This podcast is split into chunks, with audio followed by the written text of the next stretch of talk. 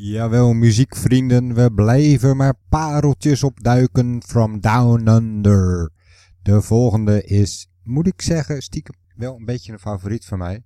Omdat die gaat over baarden, baarden en nog eens baarden. De bijdrage van Ronald Eikelenboom, The Beards, Stroking My Beard. The Beards, een band die prima had gepast in de humor battle, waar het niet dat het dragen van een baard een serieuze aangelegenheid is.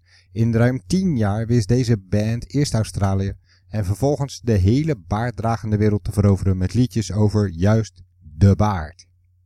Liedjes met tegeltjeswijsheid als If your dad doesn't have a beard, you've got two moms, waarheid als een koe, You should consider having sex with a bearded man, dat je het überhaupt nog moet overwegen, of There's just nothing better than a beard. Geen speld tussen te krijgen. Maar mijn meest favoriete liedje is toch wel Stroking My Beard. Misschien wel omdat ik ook geen baan heb, maar wel een baard. Geen cent te makken, geen reet te doen, behalve op de bank zitten en je baard strelen. Daar gaat die mooi van glanzen. Ik moet zeggen, ik spreek uit ervaring. Laten we snel gaan luisteren. Spending my days stroking my beard. Spending my days my beard. Spending my days stroking my beard. Spending my days stroking my beard. You don't have.